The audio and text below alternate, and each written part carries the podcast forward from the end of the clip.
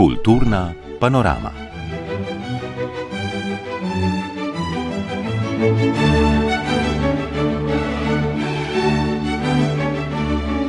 Spoštovane, cenjeni, prvi tedenski pregled v novem letu bo bolj v znamenju napovedi letošnjih javno izpostavljenih državnih obeleževanj, pa ne države kot take, temveč njenih ustvarjalnih osebnosti.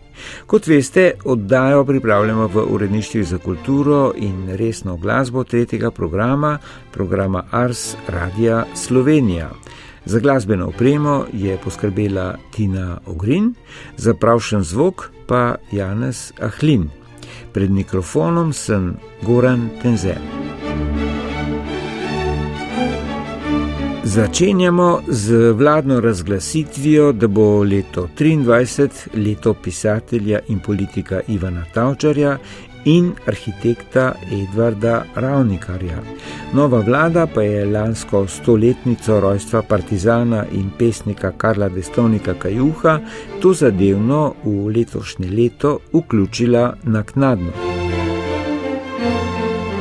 Vodja agencije za knjigo Katja Strgar bo osvetlila navzočnost slovenske knjige na letošnjem knjižnem sejmu v Frankfurtu na Majni. Direktorica Natalija Polenec bo povzela, kaj ob letošnji stoletnici ustanovitve pripravlja Slovenski etnografski muzej. Od treh letošnjih evropskih prestolnic kulture posebej predstavljamo mačarski Vesprem. Pred koncem pa bo odgovorna urednica programa Ars Ingrid Kovač-Brus napovedala obeležitve naše letošnje 60-letnice obstoja.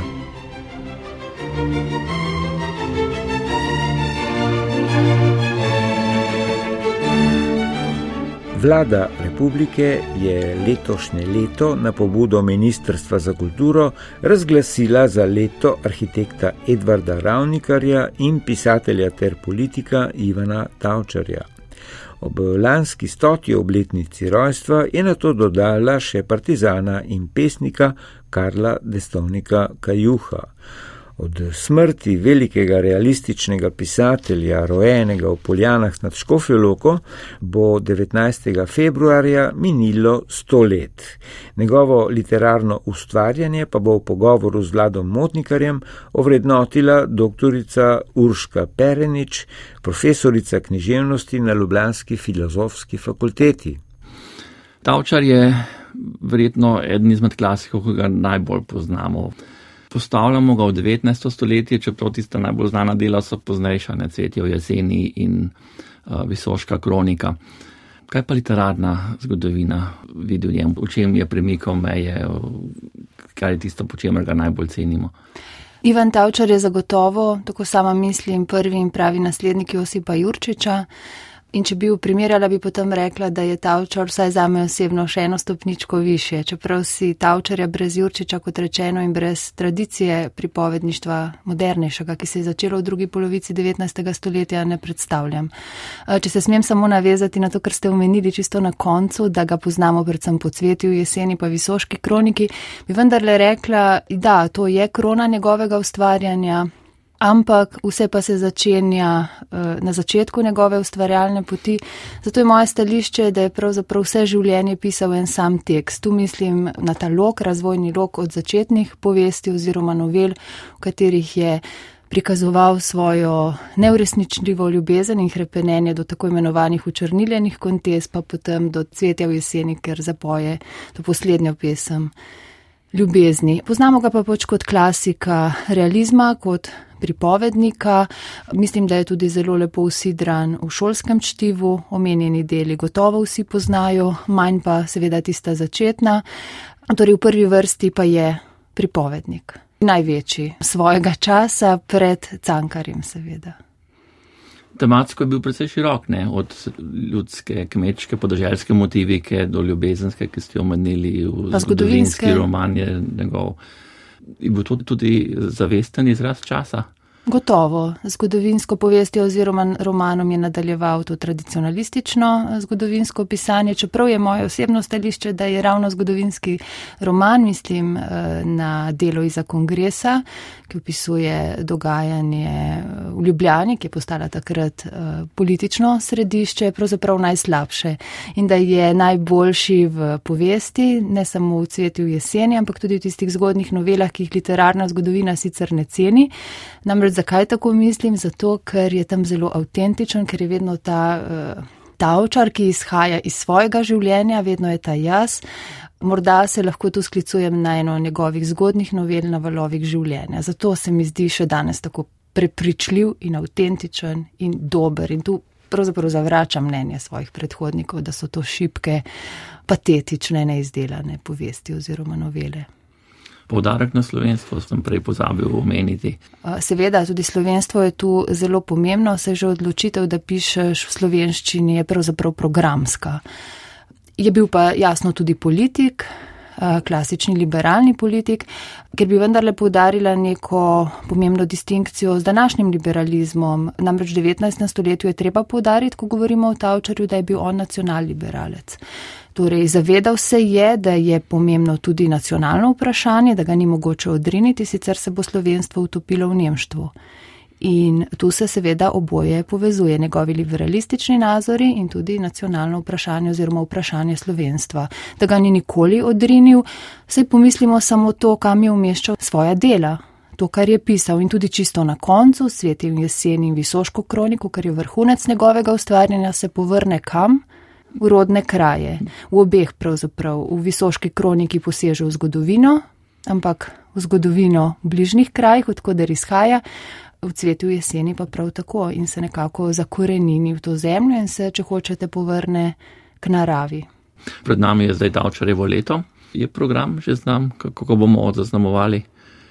Podrobnosti še ne poznam, kar lahko povem je, da sem bila povabljena v programski odbor. Kot veste, je bilo Tavčarevo leto sprijeto na predlog pravzaprav Tavčareve domače občine in zelo kmalo v januarju bomo imeli tudi konstitutivno sejo. Eh, jaz v tem odboru eh, sodelujem kot eh, strokovnjakinja z področja literarne zgodovine.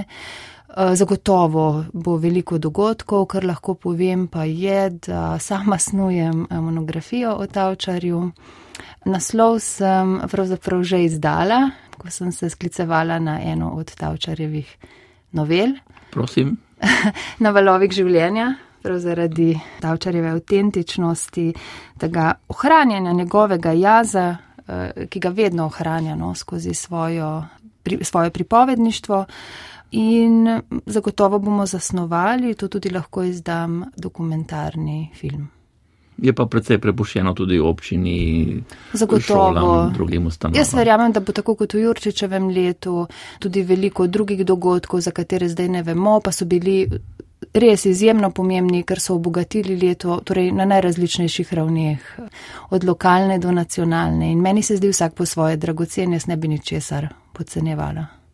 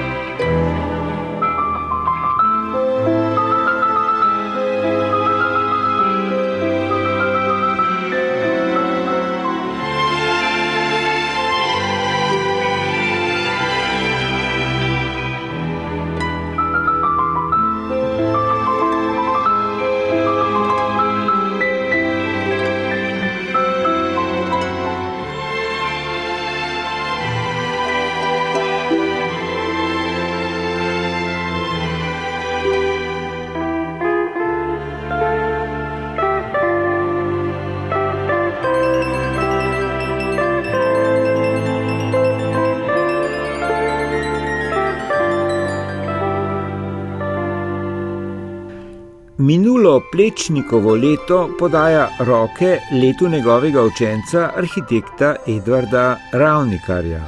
Če je plečnik iskal slovensko arhitekturo, se je Ravnikar obračal v mednarodni prostor.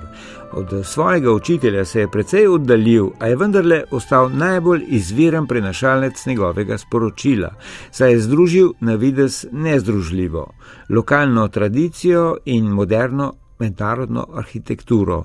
Več pa Iza Pevec. Mesto ni podoba, mesto je proces, je parafrazirana misel Edvarda Ravnikarja, najvidnejšega predstavnika slovenske modernistične arhitekture, ki je ključno zaznamoval več slovenskih mest, predvsem Ljubljano, Kran in Novo Gorico.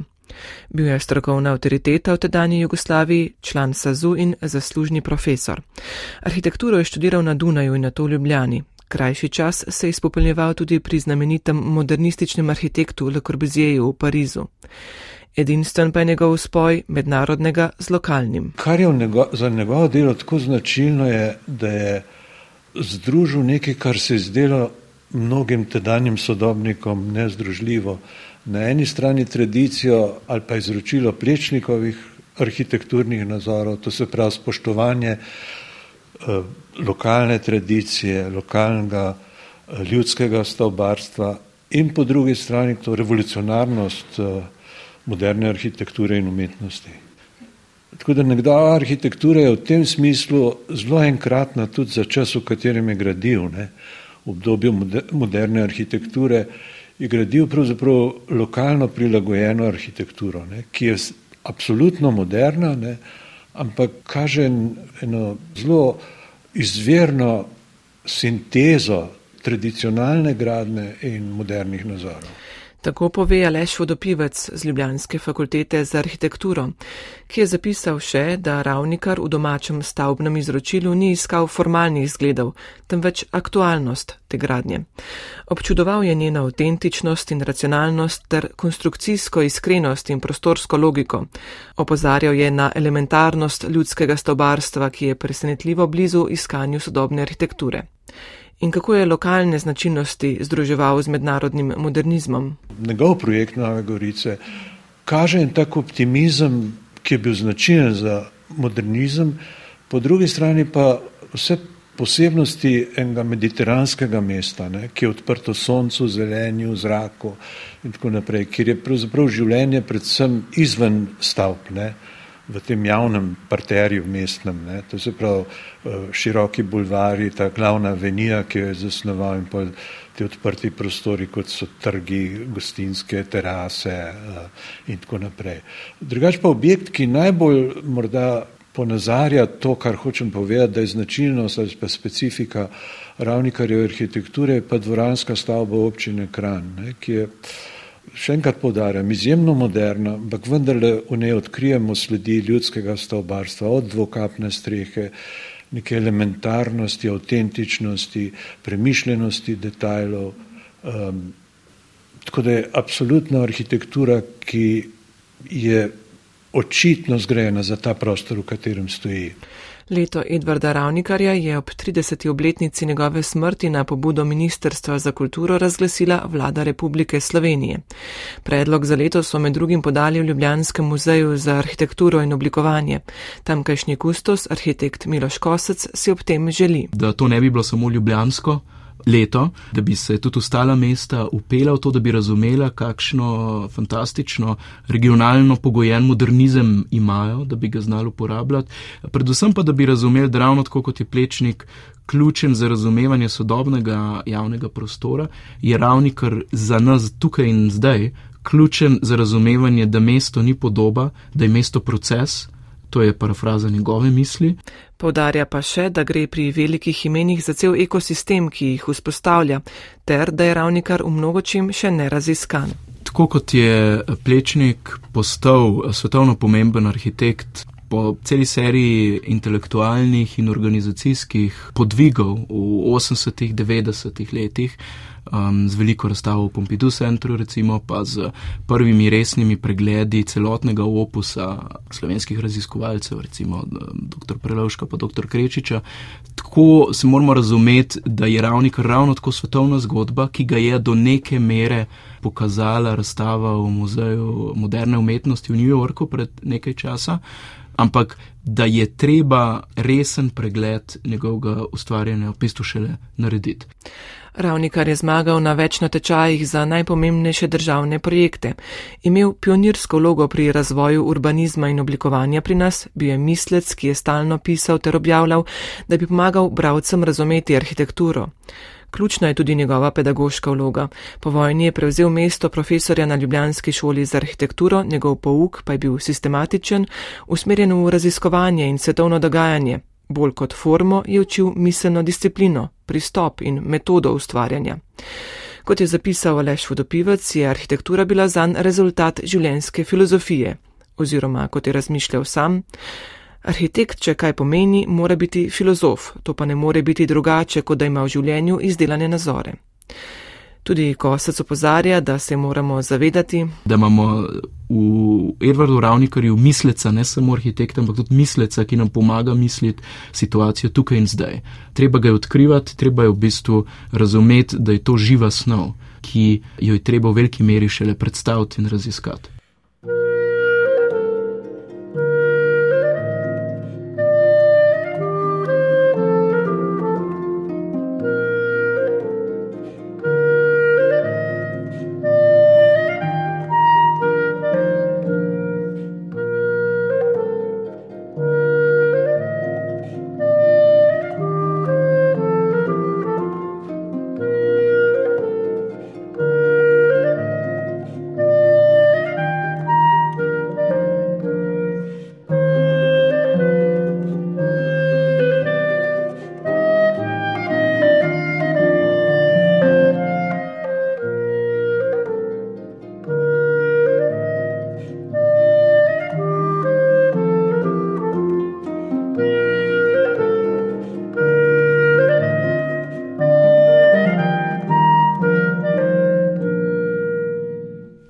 Največji mednarodni dogodek za slovensko kulturo bo letos časno gostovanje Slovenije oziroma tukajšnje knjižne proizvodne na Frankfurtskem knjižnem sejmu, osrednjem tovrstnem sejmu v svetu.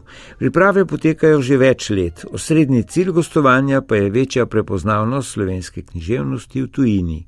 Sejem ob reki Majni je sicer tudi priložnost za širšo promocijo države na kulturnem in turističnem področju.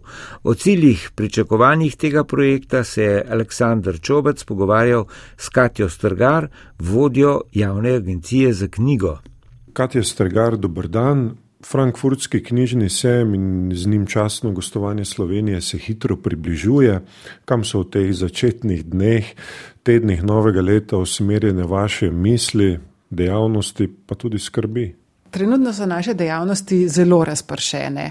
Od tega, da um, usklajujemo program za Leipziški knjižni sejem, ker bo ena izmed večjih stvari, da se usklajujemo z obema skicama za programe od samega začetka leta. Največ stvari bo v času slovenskega kulturnega praznika. Pripravljamo drugi novičnik za nemške medije, popravljamo logotip, usklajujemo se z drugimi državnimi organi. Skratka, um, pestro je velik izziv. Mogoče največji bo v Frankfurtu to, kako bo Slovenija opažena. Na sejmu se zvrsti več tisoč dogodkov, po čem si bo nemška in širša mednarodna javnost po vašem zapomnila Slovenijo. S čim verjamete, da bomo stopili v spredje, o čem bo pisalo več tisoč novinarjev? Uh, ne, če bi to vedela, bi bil pre, sestavljanje programa zelo preprosta stvar. Ne. Jaz upam, da si nas bodo zapomnili po izvirnih glasovih in uh, globalnih idejah. Da bodo razmišljali o tem, kaj pomeni branje v času zaslonske dobe, kar mislimo na sejmu močno promovirati, da jim v glavi odzvanjal kak vers ali pa stavek kakšnega izmed naših prodornih avtorjev ali pa da bodo uživali ob raznetih debatah uh, slovenske uh, šole, filozofske, skratka. In da si bodo zapomnili kot Slovenijo, kot državo raznolikosti, kot zeleno deželo različnih jezikov in misli. Koliko bo vseh dogodkov, ki so neposredno povezani s častnim gostovanjem v Frankfurtu?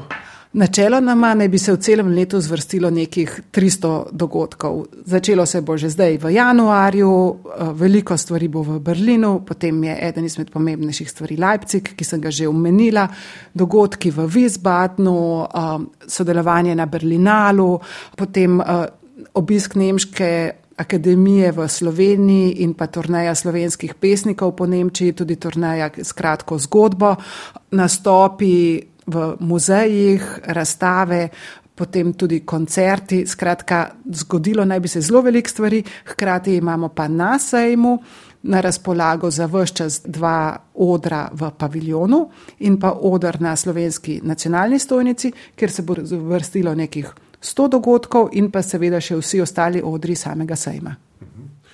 Koliko slovenskih knjig pa bo do častnega gostovanja prevedenih v nemški jezik in postavljenih na ogled v Frankfurtu?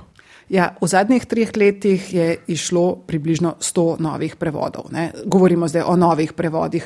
Predvidevam, da bo nekje do sejma še 10-15 novih knjig išlo. Vse to bo seveda tudi razstavljeno in močno promovirano. Hkrati pa bodo razstavljeni tudi prevodi v različne druge tuje pomembne jezike, tudi manj pomembne, seveda, ker uh, vsak jezik, vsak prevod nekaj šteje. Hkrati pa seveda na slovenski nacionalni stojnici bomo pa predstavljali aktualno, še neprevedeno slovensko produkcijo. Koliko knjig pa bi bilo prevedenih, če ne bi bilo Frankfurta? Uh, uh, zagotovo manj. Ne? O številkah je zelo težko govoriti. Izjemno pomembno je, da smo več let zapored nemškim založnikom omogočali podporo pri produkciji knjig, da smo izobraževali dodatno prevajalce in da smo vabili nemške urednike na srečanja v Slovenijo, na srečanja s slovenskimi založniki, avtori in to je vse močno spodbudilo o številkah, koliko manj, precej manj. Uh, želimo si, da bi vsaj vrata odprla v res kakovostne založbe, ki nudijo avtorjem dobro promocijo, ki jim zagotavljajo veliko vidnost, skratka, da bi recimo od manjših nišnih založb prišli do tistih založb, ki jih lahko res najdemo v vsaki knjigarni. Uh -huh dejavnosti, ki naj bi jih sprožilo časno gostovanje v Frankfurtu, bi se morale nadaljevati tudi v prihodnje. Tako je vsaj bilo pri uspešnih predstavitvah drugih držav. Najbolj črni scenariji pa so se zgodili v Gruziji in Braziliji, kjer so podobne agencije, kot je vaša, po časnem gostovanju zaprli. Zakaj se nekaj takega upajmo, da pri nas ne more zgoditi? Zaradi tega, ker je na področju dela agencije mednarodno sodelovanje samo eden izmed delov. Če se agencija zapre, se v bistvu delno uniči tudi slovensko založništvo. Namreč celota je odvisna od javne agencije, Upam, da bo pa država razumela, da je treba zdaj sadove tega našega dela žet in da vse to, kar smo uložili in je ogromno sredstev, seveda bo ostalo v Nemčiji, pa je treba zdaj si povrniti s prihodnimi leti s subvencijami in dodatnimi na področju mednarodnega sodelovanja, z uspešno predstavitvijo potem še na sejmu v Bolonji in da potem jadramo na tem uh, valu vidnosti še precej časa. Kaj si ta trenutek najbolj želite na javni agenciji za knjigo? Pol leta več časa, kakšen dodaten kader in pa še nekaj več sredstev.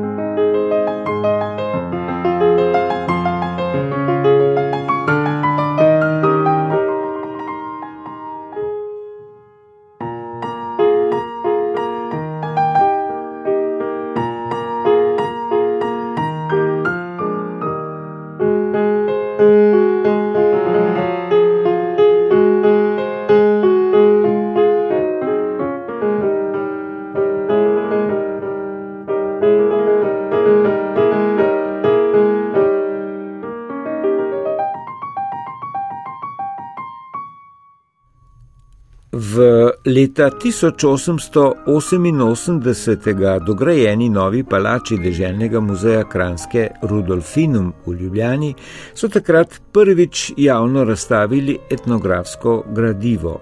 Ampak zaradi leta 1923 v isti stavbi ustanovljenem Kraljevem etnografskem muzeju pod vodstvom znamenitega Nika Zupaniča, Slovenski etnografski muzej letos obeležuje stoletnico ustanovitve. Direktorica Sema, kot popularno imenujemo enega starejših tukajšnjih muzejev, Natalija Polenec, je takole povzela njegove najpomembnejše časovne in vsebinske menike. Pravzaprav je to najstarejša etnografska inštitucija na slovenskem prostoru. In uh, tudi, bom rekla, sama vizija dr. Nika Zupaniča, njegova misel je bila pravzaprav res zelo pomembna in je vzpostavil temelje tega, kar se tudi danes lahko vidi in uh, kar se razmišlja v etnografskem muzeju. Da ne govorim tudi, bom rekla, o drugih stvarih, kot je izdajanje uh, etnološke publikacije Etnolog, ki se je začela že kmalo po sami ustanovitvi tega muzeja leta 26 oziroma 1927. To pomeni, da je mnogo bilo res vizionarsko. Uh, vsekakor so skozi zgodovino in spremembe tako v političnih sistemih in, bom rekla, samem načinu razumevanja etologije in antropologije prišle spremembe tudi v naš muzej, pa mogoče že samim imenom, ki se je iz Kraljevega etnografskega muzeja pred začetkom druge svetovne vojne preimenoval v etnografski muzej, pa potem kasneje leta 1964 v Slovenski etnografski muzej. Uh, in da je tudi fokus raziskav, načina proučevanja, seveda, tudi se spremenjal skozi ta čas. V prvih dveh desetletjih po vojni je takratni direktor do leta 1961 bdel nad 18 terenskimi ekipami, ki so raziskovalno in zbirateljsko prečesavale predvsem podeželje. Takrat je nastala obsežna zbirka našega arhiva in predmetov, ki so bili takrat zbrani pa seveda kasneje potem se spremembe tudi proučevanje načina življenja v sodobni urbani družbi in pa potem meniki, za katere pa lahko rečemo, da so drugi pomembni meniki v naši zgodovini ali pa med najpomembnejšimi, to je bila selitev iz uh, skupnih prostorov, ki smo si jih delili. Narodnem muzeju. Ne? Tako v Narodnem muzeju. Leta 1997 je bila obnovljena upravna hiša Slovenskega etnografskega muzeja. Eh, leta 2004 pa tudi razstavna hiša, tako da je dve leti kasneje nastala oziroma bila za javnost odprta tudi prva uh, nova stalna razstava med naravo in kulturo. Seznam razstav in obeleževanj stoletnice Sema je precejšen. Že k malu, zdaj v januarju, bodo odprli razstavo Belo zlato zgodba o bombažu, ki jo muzej pripravlja v okviru mednarodnega projekta. Prikazovala pa bo bombažno zgodbo zbirki iz Indije in Toga. Razstava je nastala kot eh, nekje zaključek ali neka nadgradnja evropskega projekta ki poteka med Evropskimi etnografskimi muzeji, ki so se nekako odločili pristopiti in v bistvu so nekje to kot prostori skrbi, taking care, ne je bil angliški naziv tega projekta in se bo osredotočil na problematiko bombaža, pridelovanja bombaža, se pravi načina izkoriščanja na dveh kontinentih, se pravi v Afriki in Aziji. Gre za preplet teh zgodb uh, z predmeti, ki jih hrani muzej, in pa tudi za vprašanje današnjega časa, uh, kajti tudi v današnjem času bombaž kot surovina, kot material za uh, izdelavo oblačil in v končni fazi. Tudi na kakšen način predelave, pa tudi kaj z oblačili. Ne? Se pravi, govorimo o tem, da ga nadomeščajo uh, sintetični materiali, vprašanje ekologije uh, in prihodnosti.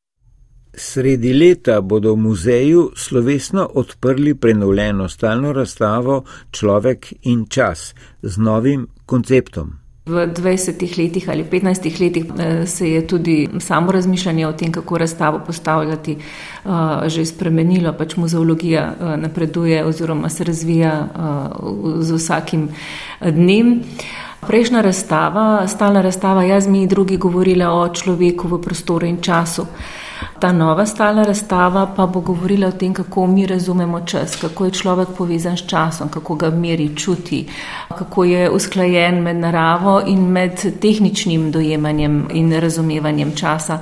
Se pravi, z različnimi vidiki, predvsem pa tudi vprašanji, na katere bomo, ki jih bomo naslovili naše obiskovalce, bomo pravzaprav skušali vzbuditi razmišljanje o času in kaj nam čas pomeni.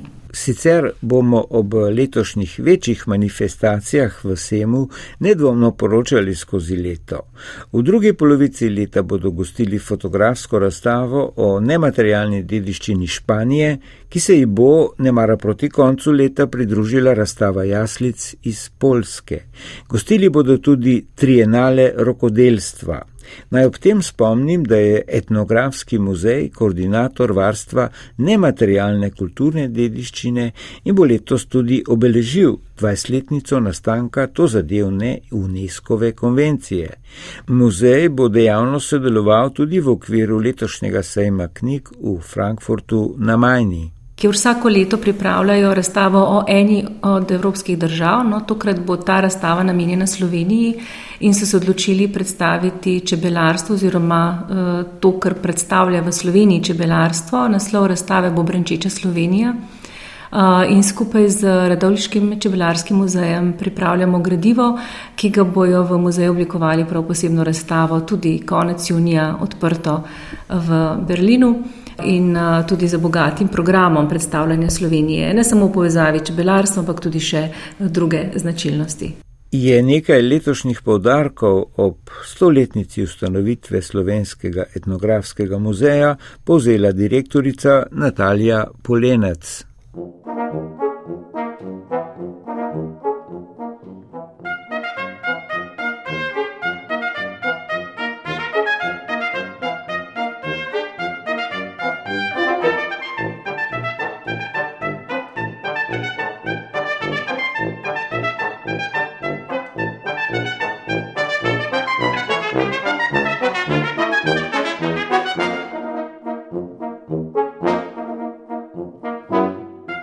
Ideja o Evropski prestolnici kulture je nastala leta 1985.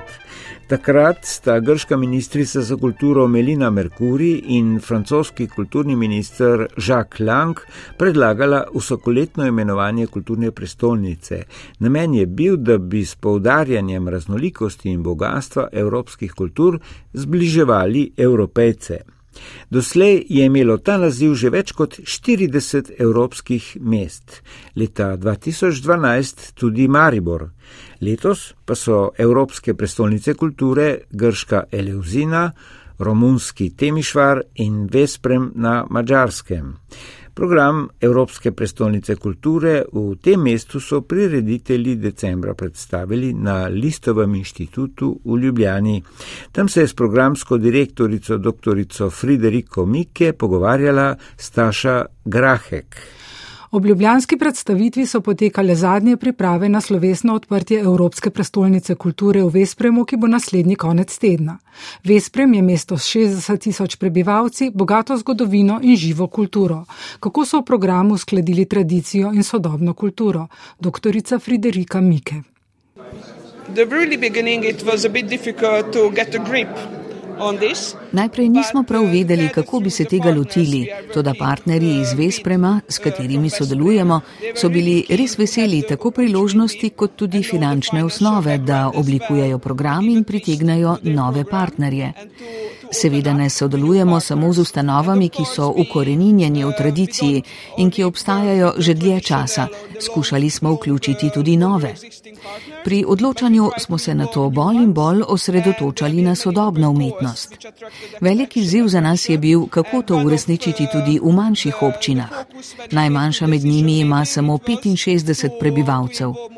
Lahko si predstavljate, da smo morali razmišljati v različnih razmerjih in na različnih ravneh. Poseben del programa smo zato namenili manjšim občinam, manjšim umetniškim skupnostim, naprimer program kulturne emancipacije. Ti bodo omogočili sodelovanje tako z lokalno skupnostjo, kot z gosti, ki bodo dobili v pogled v sodobno mađarsko umetnost, hkrati pa bodo nastale nove povezave s partnerji iz tujine. Doktorica Friderika Mike je povedala, da so posebno pozornost namenili sodelovanju z drugimi prestolnicami kulture. Uh, no,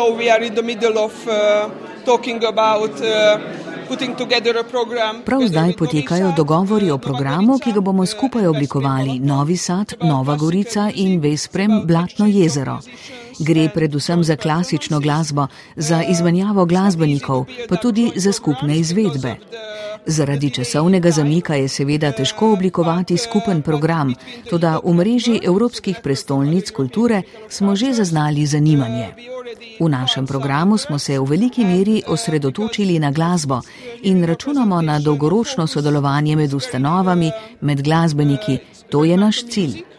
Ne želimo si samo enkratnih dogodkov, ki so zelo dragi, temveč si želimo dolgoročnejšega sodelovanja tudi z Novo Gorico. O novih prizoriščih v Vespremu in okolici je doktorica Friderika Mike povedala. Uh, uh,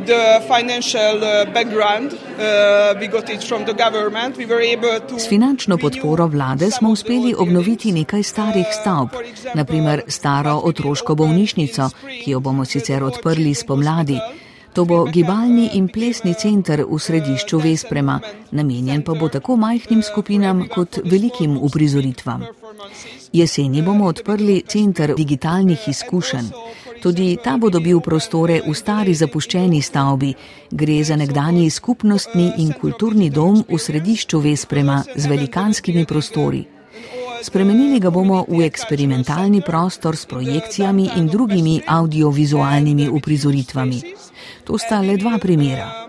Že na začetku smo se odločili, da ne želimo graditi nove infrastrukture, temveč bomo denar porabili za zdravljenje ran v mestih in oživljanje zapuščenih prostorov. Vesprem in celotno območje Bakojni, Blatno jezero, bo v letošnjem letu gotovo obiskalo veliko turistov. Kaj pa bo po koncu EPK ostalo ljudem, ki živijo tam? Programska direktorica EPK Vesprem 2023 Friderika Mike. Ostala bodo seveda nova prizorišča.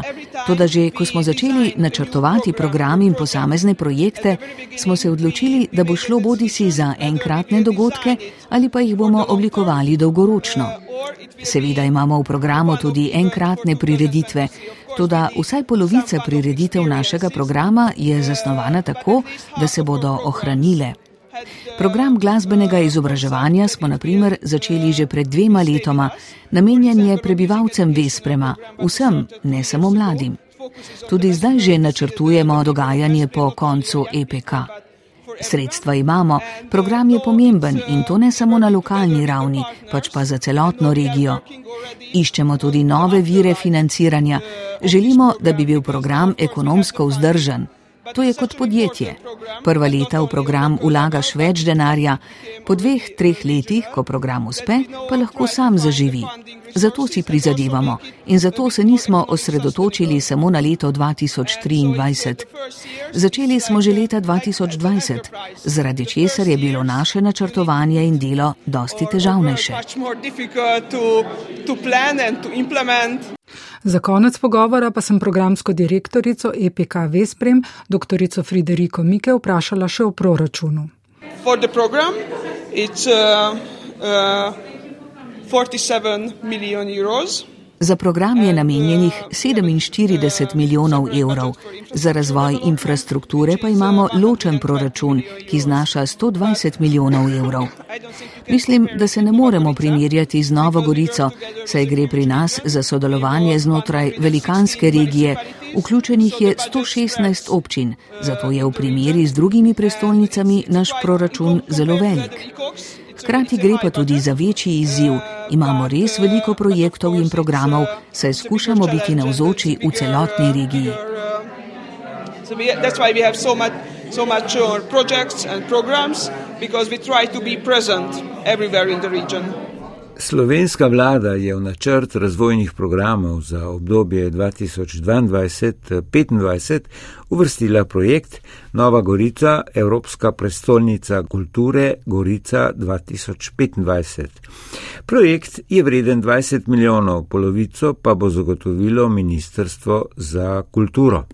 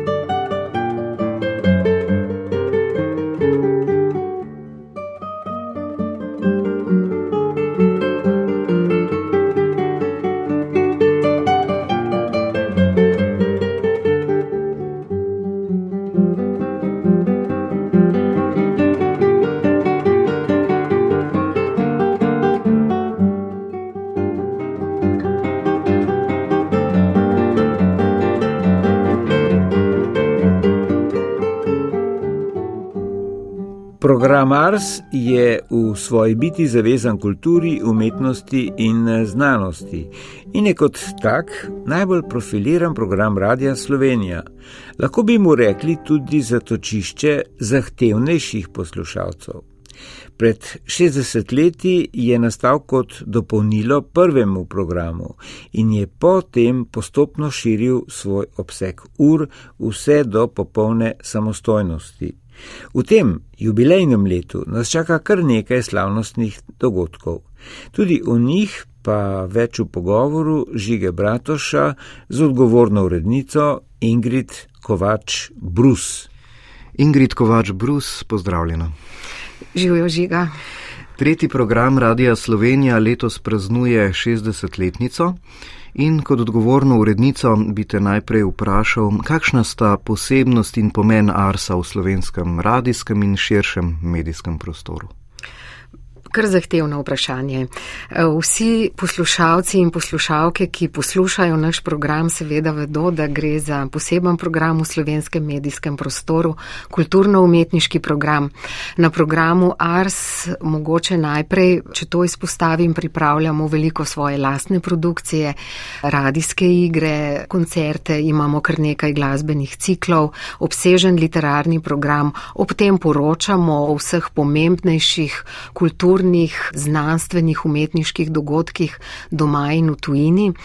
Seveda pa sodelujemo tudi širše, sodelujemo z mnogimi kulturnimi, umetniškimi inštitucijami v naši državi, njihove dogodke posredujemo poslušalcem na vseh koncih sveta v eter, ob tem pa je enako pomembno, skoraj da bi rekla, naše sodelovanje znotraj EBU-ja, to je Zveze evropskih postaj, kamor vsako leto plasiramo v to skupno ponudbo kar nekaj umetniških izdelkov slovenskih ustvarjalcev, predvsem na področju glasbe in smo pomemben promotor ustvarjanja slovenskega v tujini. Kar je še drugače na programu Ars kot pri marsikaterem drugem programu je to, da mi ne da bi se izogibali aktualnim vprašanjem, ampak kljub temu in ob aktualnih vprašanjih gojimo kulturen dialog in nekako poskušamo ostati umerjen program, program, kjer si izmenjujemo misli na umerjen, pa čeprav včasih vroč način. Ingrid svojo radijsko pot si začela na valu 202, na to odšla na Ars. No, imamo različne programe, ampak ljudje, vsebine in energije pa se med njimi vseeno pretakajo. Tudi kakšne oddaje si izmenjamo. Ja, mislim, da so naši predhodniki zelo dobro zastavili to strukturo nacionalnega radija. Vsi trije programi smo različni, mislim, da se dobro dopolnjujemo in vsebinsko in tudi izkustveno. Z našega programa poskušamo na oba sestrska programa, se pravi na prvi program in val 202, pretočiti čim več kulturnih vsebin. Dobro se zavedamo, da je pač domet teh dveh programov veliko širši in včasih se nam zdi, da ko z neko kulturno-umetniško vsebino predstavimo neke dogodke, da smo s tem naredili še več. Zelo dobro sodelujemo tudi z informativnim programom in prav tako z obema regionalnima, Koperskim in Mariborskem, ker se vse čas zavedamo, da smo nacionalni program, nacionalni radio in da se kultura dogaja vse povsod. Sodelovanje je pa tudi tradicionalno dobro z slovenskim programom v Trstu, z izmenjavo vsebin in prav tako s celovškim, kar se mi zdi spet zelo pomembno. In radio se je skozi teh 60 let spreminjal, strakov je prešel na digitalne zapise, danes so v linearnem programu pomembne tudi spletne vsebine, skoraj vse, kar naredimo, je dostopno tudi v spletnem arhivu. Pa če se ozreva v zgodovino, kakšno pot je Ars prehodil? Ars je pred 60 leti začel z nekaj urami programa in potem rastel in rastel uh, s vsebinami, ki jih imamo še zdaj in leta 91 postal 24-urni program. Torej, 32 let je program, ki teče vse čas, eh, mogoče bi posebej upozorila na nočni program od polnoči pa do 4 zjutraj, imamo skupen evropski program, v katerem imamo res prestižno glasbo, najboljše, kar Evropa ponuja. Je pa tako, kot eh, čutim v tvojem vprašanju, naša 60-letnica seveda tudi čas za razmislek.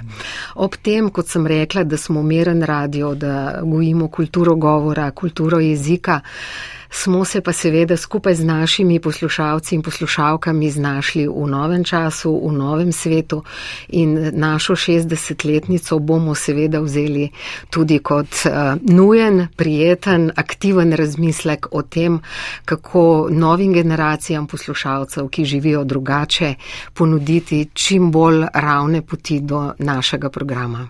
No pa napovejva še, kaj vse pripravljamo v tem Marsovem jubilejnem letu.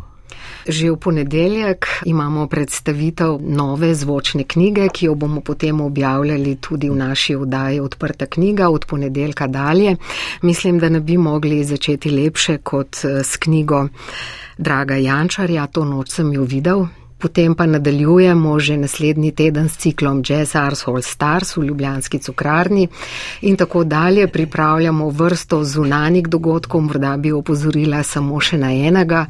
To bo naš osrednji dogodek, gala koncert v Cankarjevem domu v Galusovi dvorani 14. septembra. Tukaj pa zelo tesno sodelujemo z našim simfoničnim orkestrom, ki je sploh nekako najbolj naš znotraj radijske hiše hiše. Ingrid Kovač Brus, hvala za tale pogovor in se veselimo ne, vseh dogodkov ob tem jubileju. Seveda in vse poslušalke in poslušalce, tiste, ki so že in tiste, ki še bojo, vabim, da se nam pridružijo v nečemu, kar na Arsu imenujemo umetnost poslušanja.